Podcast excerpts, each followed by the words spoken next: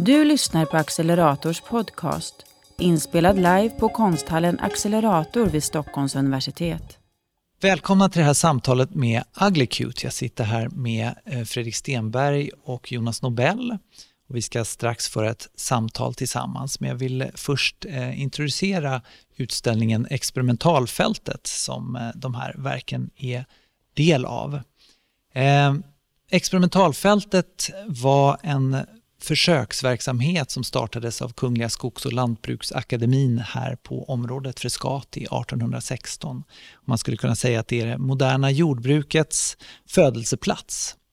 Eh, tillsammans med Therese Källner som är intendent här på Accelerator eh, så har jag eh, satt tillsammans den här utställningen med åtta samtida konstnärskap som går in på olika frågor som vi tycker är viktiga att lyfta i vår samtid.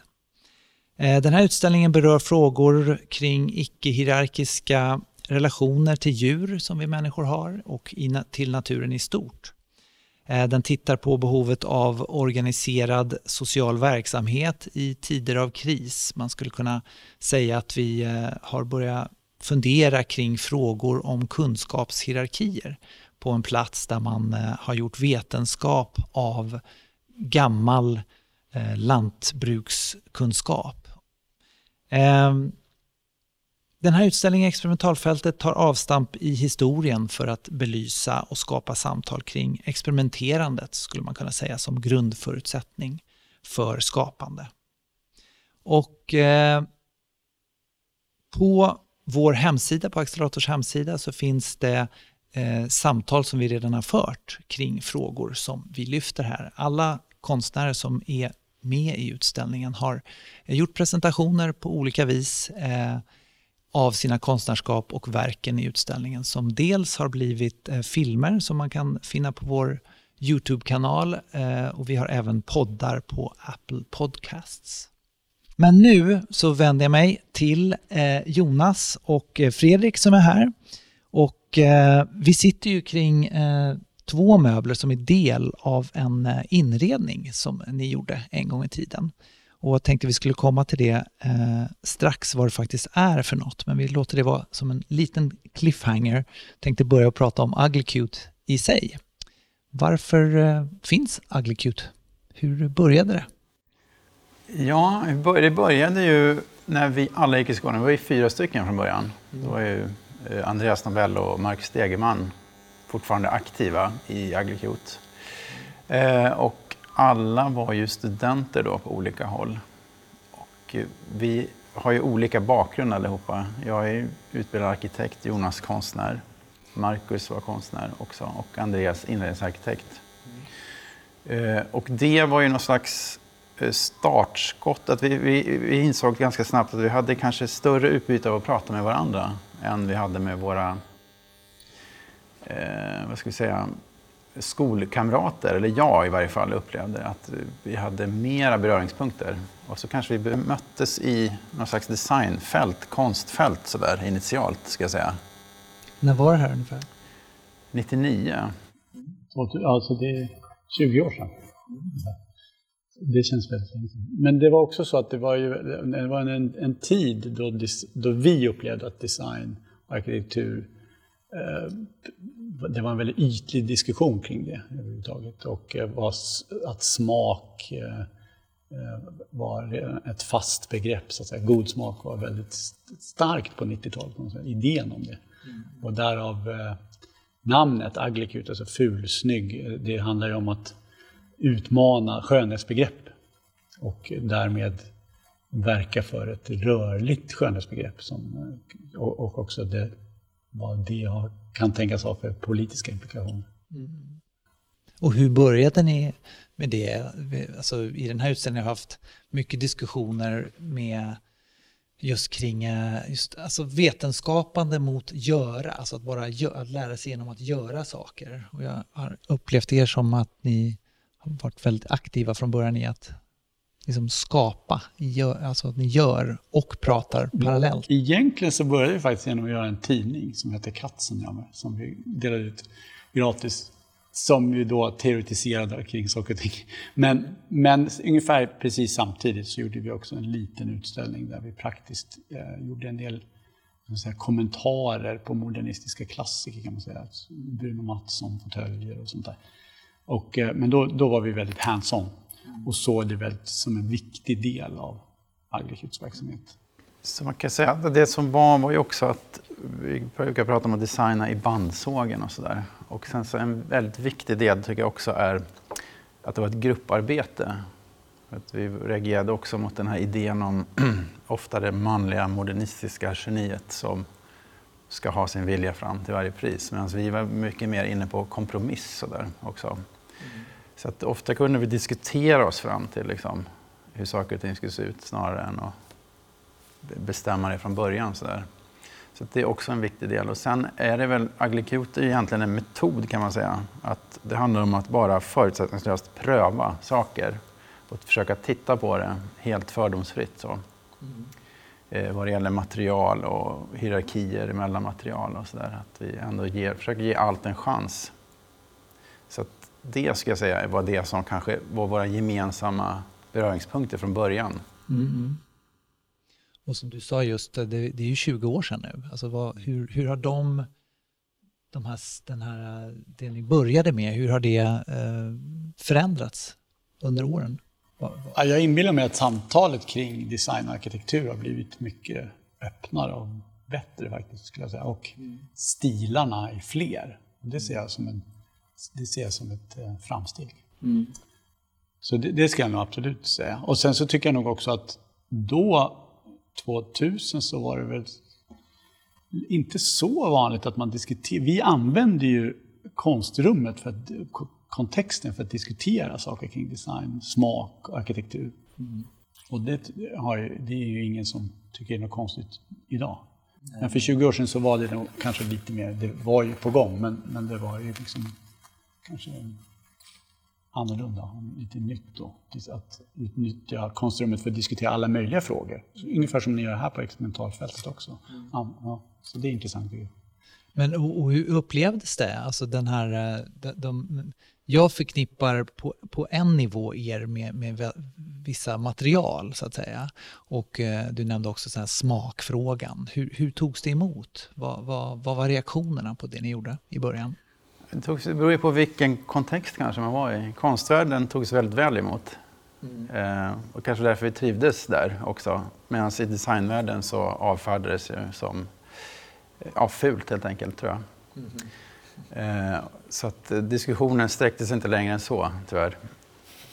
Eh, men sen om man ska liksom börja eh, försöka förstå vad som har hänt sedan dess så är det ju i, i samhället i stort och det är ju vi var ju med, vi var ju del, det var inte bara vi som var på det, var ju en hel rörelse då som sysslade med de här frågorna. Att man försökte liksom öppna upp kanske det man upplevde som vattentäta skott mellan olika liksom, eh, fält. Sådär. Arkitekterna gjorde sitt på sitt håll, konsten levde i sin bubbla och designen i sin. Medan vi försökte på något sätt att påstå att ingenting nödvändigtvis är någonting mer värt än något annat. Sådär. Att man kan röra sig fritt emellan fälten. Eh, och det har ju kanske lett fram till någon slags nästan nihilistisk, värdeupplöst eh, eh, situation idag. Det parat med en sån här galopperande individualism eh, ser ju vi som kanske lite, det är ganska otäckt det som sker i världen nu. Att man, du är fri att forma en egen världsbild. Så där. Det finns inga absoluta sanningar längre. Mm. Så där vill man ju nästan be om ursäkt. Att man var med, med och liksom sparka upp den där dörren. Mm. Samtidigt som det var, det var ju oundvikligt för det var nödvändigt. Mm. Det var för syrefattigt just då. Vi också, under åren har ni ju varit engagerade i utbildning på olika vis. Du nämnde Katzenjammer, tidningen och sådär. Eh, hur har det sett ut under åren? De, de, er koppling till eh, ja, utbildning, diskussion kring de här eh, frågorna som ni ville eh, lyfta i början? Vi hade väl, i början var vi väldigt ofta inbjudna som gästlärare och sådär. Så nu, jag är den enda som inte undervisar nu eh, kontinuerligt. Så alla, alla andra har ju tjänster att undervisa på konsthögskolor och arkitekthögskolor. Mm. Eh, så det är väl en direkt följd av det. Eh, och jag, jag kan nog tycka också att det fanns större kanske möjligheter för, för, läng, för 20 år sedan då att komma in i utbildningar under kortare perioder och ganska, under ganska snabb, snabba eh, puckar, så att säga, gö, göras workshops. Eller så. Det var lättare, skulle jag, skulle jag nog säga att det var. Det har blivit absolut högre, det kanske Fredrik kan svara, men mer administration och svår, svårare byråkratiskt på konsthögskolorna och jag tror också på Arkitekthögskolan. På gott och ont säkert, men det är annorlunda. Skulle jag säga. Jag var inne lite där i början på eh, just kunskapshierarkier, något som vi känner att den här utställningen på sätt och vis lyfter. Eh, får ni några tankar kring det? Alltså det här eh, faktumet kring experimentalfältet är ju att eh, folk hade hållit på med jordbruk eh, och hanterat djur i, i ja, i, i långa, i, under hundratals år. Och sen så blev det just under den här perioden där 1815 så bildas den här eh, akademin kring det här. Och det, det, gör ju att en del personer blev exkluderade, en del kunskap sågs inte som så viktig längre. Eh, och man, man försökte kategorisera och man såg till att hönsen fick så liten plats som möjligt. Eh, och eh, när, när de till slut dog då insåg man att äh, den buren var för liten. Alltså, det är liksom, eh, ja, man pressade fram ny kunskap eh, och eh, möjligtvis glömde något som man har eh, känt till väldigt länge i de processerna. Finns det någonting som eh, rimmar med vad ni har sysslat med där? Absolut. Ja, vi pratar mycket om den här liksom tysta kunskapen som sitter i händerna och så där. Och ofta hos väldigt duktiga hantverkare och så där som ja, kanske har nedvärderats lite grann. Och det har ju kommit mer och mer Konstverk har ju fått pisk för att det har varit för flummigt och sådär. Eh, så att, eh, alltså, vanlig hederlig färg och form har ju liksom halkat ner lite grann mm. i hierarkin på de konstnärliga utbildningarna i varje fall. Det är ju problematiskt. Så vi har ju försökt att liksom hitta ett sätt att i praktik och Eh, text kunna ändå resonera kring de sakerna. Det så mycket av våra möbler och inredningar är ganska diskuterande också. För det var en brist som vi såg då i, under 90-talet eh, i liksom designkontexten där att det var väldigt tysta liksom, föremål. Det var mycket design som bara egentligen refererade till annan design. Men det fanns inte så mycket mer och vi kände att det finns potential i de här föremålen att kommunicera saker.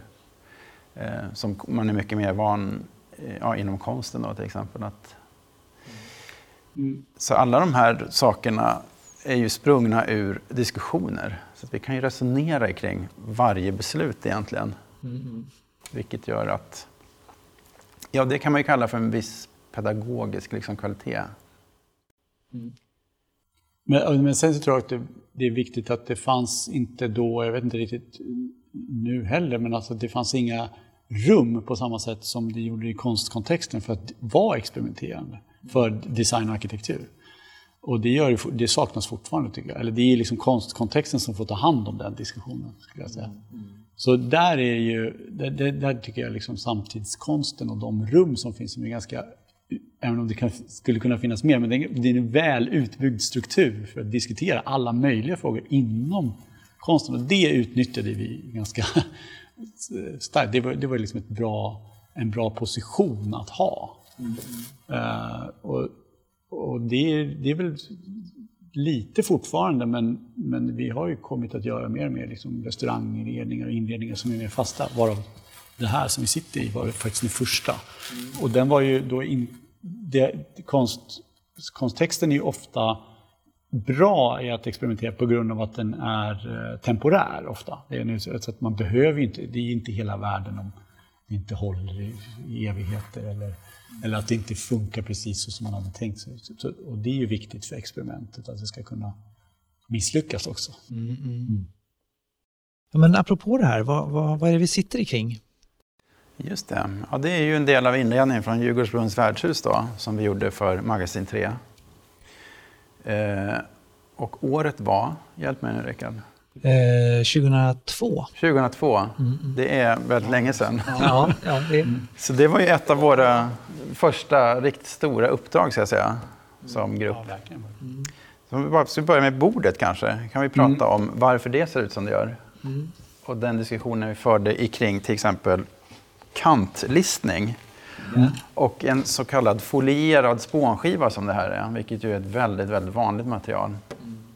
Och då var ett exempel som man kan ta är om man jämför Statoil och Handelsbankens kontor till exempel.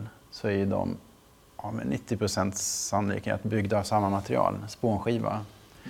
Men det här eh, 0,3 mm ytskiktet som skiljer dem åt eh, är ju det som gör hela skillnaden egentligen. Man får liksom aldrig se det det är byggt av. För att vi har kommit överens om att spånskiva är fult, tror jag, eller dåligt. Det är ett lågt material. Så på Handelsbanken så möter du körsbär och på Statoil så är det kanske en blå yta. Men det, det är ju då alltså bilden av trä på Handelsbanken och något helt annat på Statoil. Fast det är egentligen samma möbel så, inuti. Så att vi har helt enkelt valt att liksom visa spånskivan, att inte kantlista, för det gör man ju ofta med den här typen av material. Och att sen gersåga allting så att det blir eh, en, en form av estetik av det helt enkelt, sammansättningen också. Så. Det är själva kanten och avsaknaden av kantlist som poängteras här i själva konstruktionen också. Att också någon slags materialärlighet. Så att- eh, kanten då, den tecknar ju nästan en, en silhuett av ett bord också om man vill. Om man ska tänka sig att den var ett, ett svart pennstreck till exempel, så är det det du ser är figuren av ett bord då till slut. Och sen är det rent konstru konstruktionsmässigt att spånskivan behöver de här stöden i form för att kunna hålla ihop. Vi gillade spånskivan och utmaningen som Fredrik var inne på förut, metoden Aglikut var lite att vi måste göra någonting av folierad spånskiva för det anses lågt. Så att säga. Och då var det intressant. Och då ger ju materialet en, en konst- konstruktion också. Eh, och en kvalitet då menar vi. Vi menar ju inte att det här är, vi har aldrig menat, aldrig gjort någonting som är fult. Enligt oss då. Utan det här, är in, det här är vackert och intressant.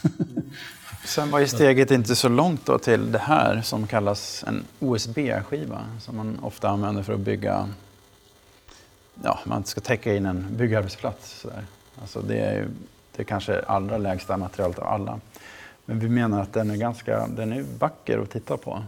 Så att den har en, eh, det blir nästan som en ornamentik. Så att det är ju egentligen en förstorad spånskiva med större liksom, spån bara.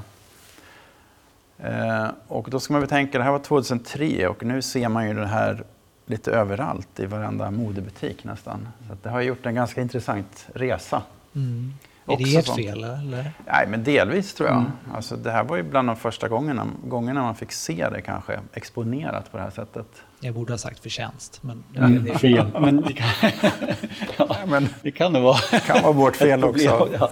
Men det är ju så där det fungerar. Så att de här liksom material och deras hierarkier och möjligheter att göra klassresor, eller vad man ska säga, är ju jättespännande. Och, Och- där blir ju konst och gallerirummet, det är ju nästan som någon slags trollerimaskin. Att jag sätter in någonting där så helt plötsligt så stiger värdet kolossalt. Liksom. Och en helt nöd- nödvändig utveckling tror jag i ett samhälle som söker jämställdhet och större medbestämmande. Så kommer alla material, alla företag att göra de här res, klassresorna. Det tror jag är, helt, liksom, det, är det, det är därför det är så viktigt med att, att vara progressiv, försöka vara progressiv. hur, hur känns det idag att, att se det här? Det känns jättebra tycker jag. Det är roligt, det fungerar fortfarande. Tycker jag. Mm. Vi pratar faktiskt just nu om att eh, den här tiltningen, också, vi pratade om en tiltad diner på något sätt. Och eh, det här att man delar, den personen som sitter här delar med det bordet. Och det finns en, eh, någon slags community-idé här som ändå är individuella bord men ändå att man liksom delar sina sittplatser på något sätt. Och vi pratade just om att det här måste vi göra om. För det här är ett väldigt bra sätt att se, sitta på. Eh, och sen så tycker jag också att det var ju, det här var ju ritat för Djurgårdsbrunns värdshus. Och det ju, var ju också viktigt i den kollisionen. Vi jobbade med någonting som, jag tror det var du Fredrik som liksom myntade det, men respecting by ignoring. Och det, är liksom, det, är inte så bra att översätta, jag vet inte riktigt hur man skulle översätta. Men, och det, då, då var det ju, jag minns inte exakt när det byggdes, men Sankt Eriksområdet här i Stockholm som byggdes i liksom nyklassicistisk stil och sådär, man ska säga. Och vi var väldigt vi diskuterade det väldigt mycket och tyckte att det var väldigt komplicerat. Och det är ju väldigt likt den diskussionen som är nu kan man säga med arkitektupproret och så. Och vad, vi, vi, vad Respecting by Ignoring då betydde, det var att om vi inte har en egen stil och en egen arkitektur, stil som vi förhåller oss till, då, då, respekter, då kan vi aldrig bli progressiva. Och vad vi gjorde då i Djurgårdsbrunn, det var liksom att vi mötte den här gamla charmiga Djurgård, liksom värdshusarkitekturen genom att bara skjuta in den här möblemanget i den och göra brottet mot det gamla väldigt, väldigt tydligt. Och det menar vi är respektfullt mot det gamla och mot det nya. Eh, att försöka sminka över och likna det gamla, det blir bara fånigt och inte respektfullt. Och, och dessutom då så så motverkar det att vara progressiv, vilket är väldigt, väldigt viktigt, för, tycker jag. Eh, vi jobbade ju tillsammans då, där mm. på, på Djursbrunn, och jag minns eh, att det, det, var ju liksom, allt var nytt, det ni gjorde. Det, mm. det, och jag kommer faktiskt ihåg att jag, när ni kom med de här OSB-skivorna så var jag så här, men det gjorde ni, jag har ju sett det i er ateljé, ska ni inte, ska ni inte göra något annat? Mm. Och ni bara, liksom. sen, sen när tiden gick så förstod jag ju mer vad ni, vad ni mm, höll på med, mm. men i början, och sen blev ju det liksom en slags ugly cute eh, ja. eh, signum, får man väl ändå säga. Att mm. jobba med eh, material som ni beskriver här som alltså att de har låg status och så vidare. Absolut, att det finns någon sån eh, vad ska man säga, kulturell överenskommelse kan man väl kalla det för, om att det här är ett dåligt material. Mm, mm. Det tror jag har förändrats definitivt. Alltså, jag kan ju se en massa efterföljare, eller vad man ska säga. Vi har ju öppnat mm. dörren för helt nya liksom, sätt, tror jag, mm. att göra design på. Vad är experimenterandet då i stort? Alltså, ni har ju varit inne på det lite grann. Hur, hur, eh, hur ser ni på det nu fortsatt? Ni har ju hållit på ett tag mm. och det är ni två nu som fortsätter. Känner ni fortfarande, fortsätter ni att experimentera? Ja, det ska jag säga. Men kanske på andra sätt också. Genom att kasta sig in i alla möjliga olika uppdrag. Mm. Vi säger nästan ja till allt så länge vi inte tycker att det är politiskt förkastligt och sådär. Men mm. eh, det kan vara butiker, restauranger, eh, whatever. Mm. Workshops med barn. Ja. Det, det, är väldigt så viktigt att faktiskt säga ja. Och det ska jag säga är att också experimentera. Man experimenterar med, med eh, yrkesrollen också och hur man producerar och säljer möbler till exempel. Vi kan ge oss in i alla möjliga liksom. Så där kanske man expanderar experimenterandet. Mm. Det kanske inte nödvändigtvis handlar om material längre på det sättet som det gjorde initialt, utan nu är det mera hur kan man jobba och fungera. Mm. Det var en sak som vi gjorde här, nu är inte de med, men vad vi gjorde i den här inredningen till Djurgårdsbrunn så gjorde vi också en workshop där vi producerade keramikgrejer. Och det var en, en ganska viktig, det var första gången vi gjorde det tror jag, att man fick höra ibland att men ni är ingen designer för det finns liksom ingen annat företag eller någon fabrik som producerar deras saker. Så att säga. Och, det tyckte vi det verkar ju helt fel. Det kan inte vara definitionen av design. Att, att, och det var en del som liksom verkligen påstod det. Då tänkte vi, då måste man, ju, då måste man designa om produktionsprocesserna hur, eh, hur saker produceras. Och då tänkte vi, ja men då bjuder vi in, hyr vi en keramikverkstad så lånar vi in en massa vänner, eller bjuder in vänner och, och bjuder dem på mat och öl och så gör vi de här keramiska objekten under den tiden. Så det var, och det har vi gjort i olika sammanhang. Till exempel vi har en servis som är gjord av barn, ett barnarbetsprojekt som är gjord med, med barn som tycker det är jätteroligt att göra serviser. Ja. Så, och, det, och nu har det väl gått in i att vi försöker, men det är ju verkligen experimenterande och svårt. Liksom, att vi, att, eh, vi har ju fortfarande inget företag som, något annat företag som producerar våra möbler. Men det innebär att vi i princip ritar om allas, ritar nytt till varenda projekt. Men nu har vi en stol, den försöker vi komma underfund med hur fan det ska liksom. Det är ju en helt annan sak att hålla på och marknadsföra en stol eller producera en stol som ju, ja det, går, det är ett experimenterande. Vi har fortfarande inte löst det. Ja, det är ju inte våran expertis så att det är lite otäckt, nytt territorium. Så. Men det är ju samtidigt, man måste utmana sig. Det är intressant tycker jag. Jag kan också säga att vår lokal har fungerat mycket som Eh, vad ska man säga, ett experimentlåda. Alltså att, jag tror det var Helena, Helena Mattsson som skrev mm. förord i den här boken. Mm. Hon kallar det för eh, ett, ett Freies universitet. Sådär. Och det, det, ligger väldigt mycket i det. Jag har aldrig tänkt på det så, men det stämmer när hon säger det. Att man också som man slutar skolan och börjar arbeta. Visst, du kan gå in i och ta anställning och sitta på, jag har också suttit på ett stort kontor i massa år. Sådär. Eller så gör man det på ett annat sätt. Vi startar ett kontor tillsammans eh, utan att riktigt veta vad är, vad är vårt fält. Sådär. Mm. Eh, och det man saknar då kanske från högskola och universitet det är ju den här liksom akademiska eh, miljön där man kan föra samtal, ställa frågor, bjuda in folk som man är intresserad av att komma och gästföreläsa och sådär. Mm. Eh, så vi har försökt nu har vi varit slarviga med det, men vi har försökt att använda vår lokal till det. Att ställa ut andra som vi tycker, som vi själva är nyfikna på. Mm. Eh, folk kan ha bokreleaser, det kan vara seminarier. Eh, så att man liksom skapar den där platsen åt sig själv. Mm. Det ska jag säga är liksom ett slags experimenterande mm. också. Ja, verkligen. Och det är också verkstad där vi gör alla, alla inredningar vi gör produceras där. Så det, nej, det, det har varit jätteviktigt. Och, uh, men också, det är väldigt experimenterande och ekonomiskt jättebökigt liksom, ja. har det varit. För den där lokalen har ju slukat i princip alla pengar. Men det... Men, men det har det nog varit värt. Liksom. Ja. men, ja, men det är en svår ja. ekvation eftersom mm. det blir så svårt också för andra att förstå vilka vi är eller mm. vad gör ni? Mm. Det är väldigt otydligt. Så mm. det, det, är ju inte inte så många som vågar kanske beställa ett regelrätt så här arkitektjobb. Eller en, det, det krävs lite av beställaren. Mm. Och också faktiskt det där med experimenterandet. Vi har ju varit Liksom, vi har hyrt in folk ibland för vissa projekt när vi har haft väldigt mycket. Men det mesta har varit på sista åren då jag och Fredrik. Och jag har inte velat ha anställda.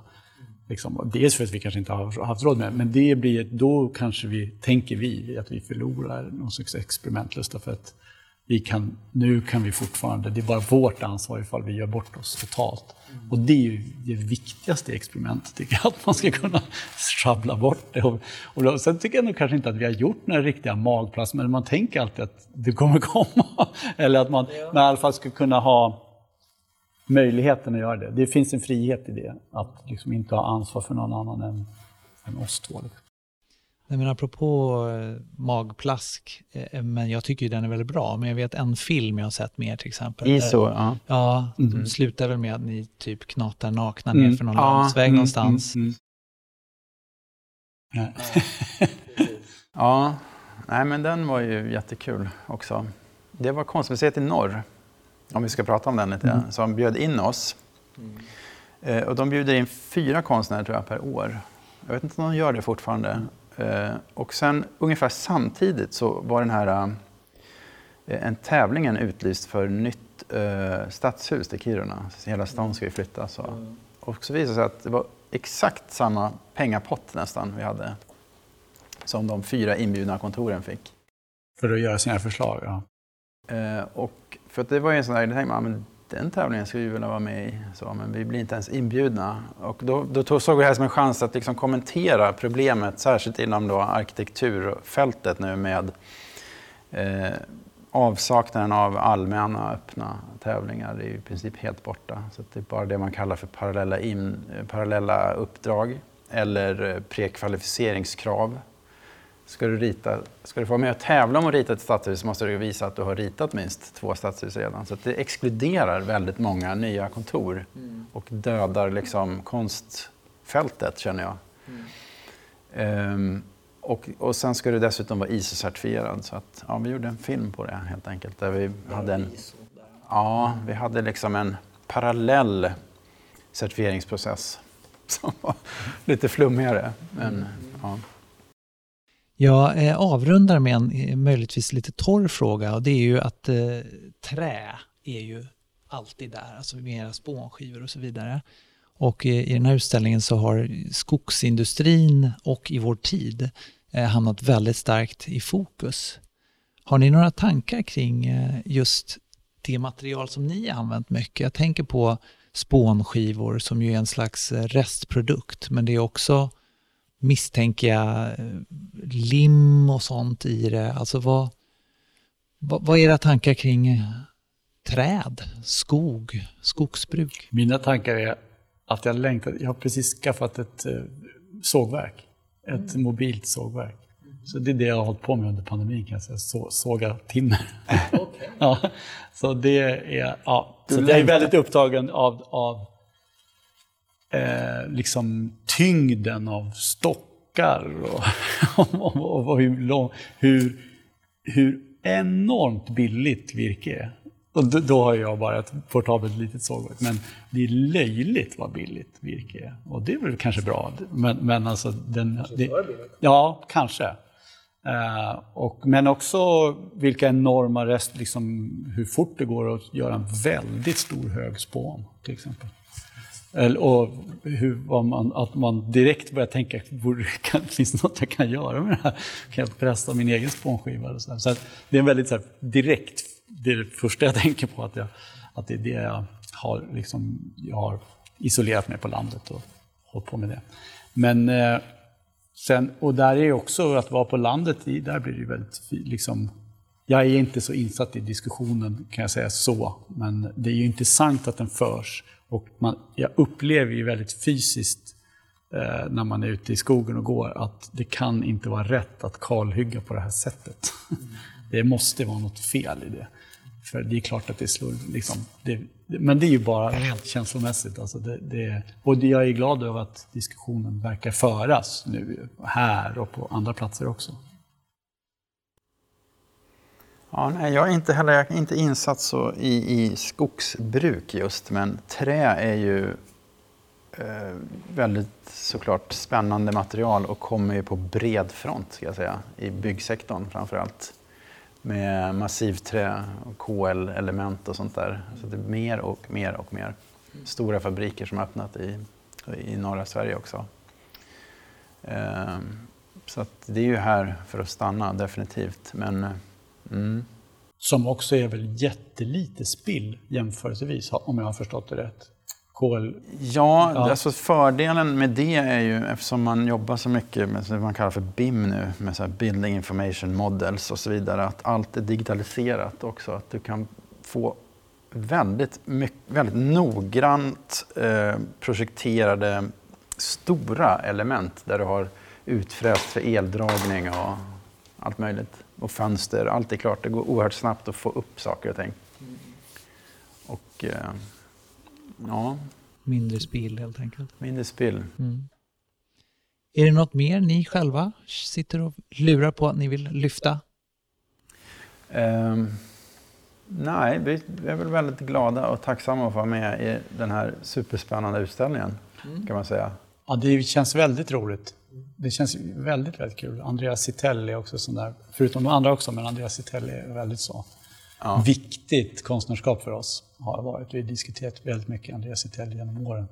Så det är väldigt roligt. Och sen hela det här experimentalfältet som jag inte kände till alls. Det är Nej, det är ja. bortglömd historia faktiskt. Mm. Ja. Det känns också, det ser man inte nu i den här filmen, men vi har ju också använt eh, era verk som plats för fördjupning. Mm, mm. Eh, så att eh, normalt så ligger det ju högar av böcker här på era bord. Bland annat Ulrik Langes Experimentalfältet, men också er bok, bok om Andreas Itell och sen en massa böcker kring, kring jordbrukshistoria mm, och tankar kring det. Vi hedrade. Ja, det... Borden används till det. Ja, det är kul att ha tagit fram dem igen. Ja, det är, är väldigt roligt. Ja. Men tack för samtalet. Tack själv. Tack själv. Du har lyssnat på en podcast från Accelerator, inspelad live på konsthallen Accelerator vid Stockholms universitet. För att ta del av vårt program, prenumerera på vår podcast och besök Accelerators hemsida acceleratorsu.art där du även kan prenumerera på vårt nyhetsbrev.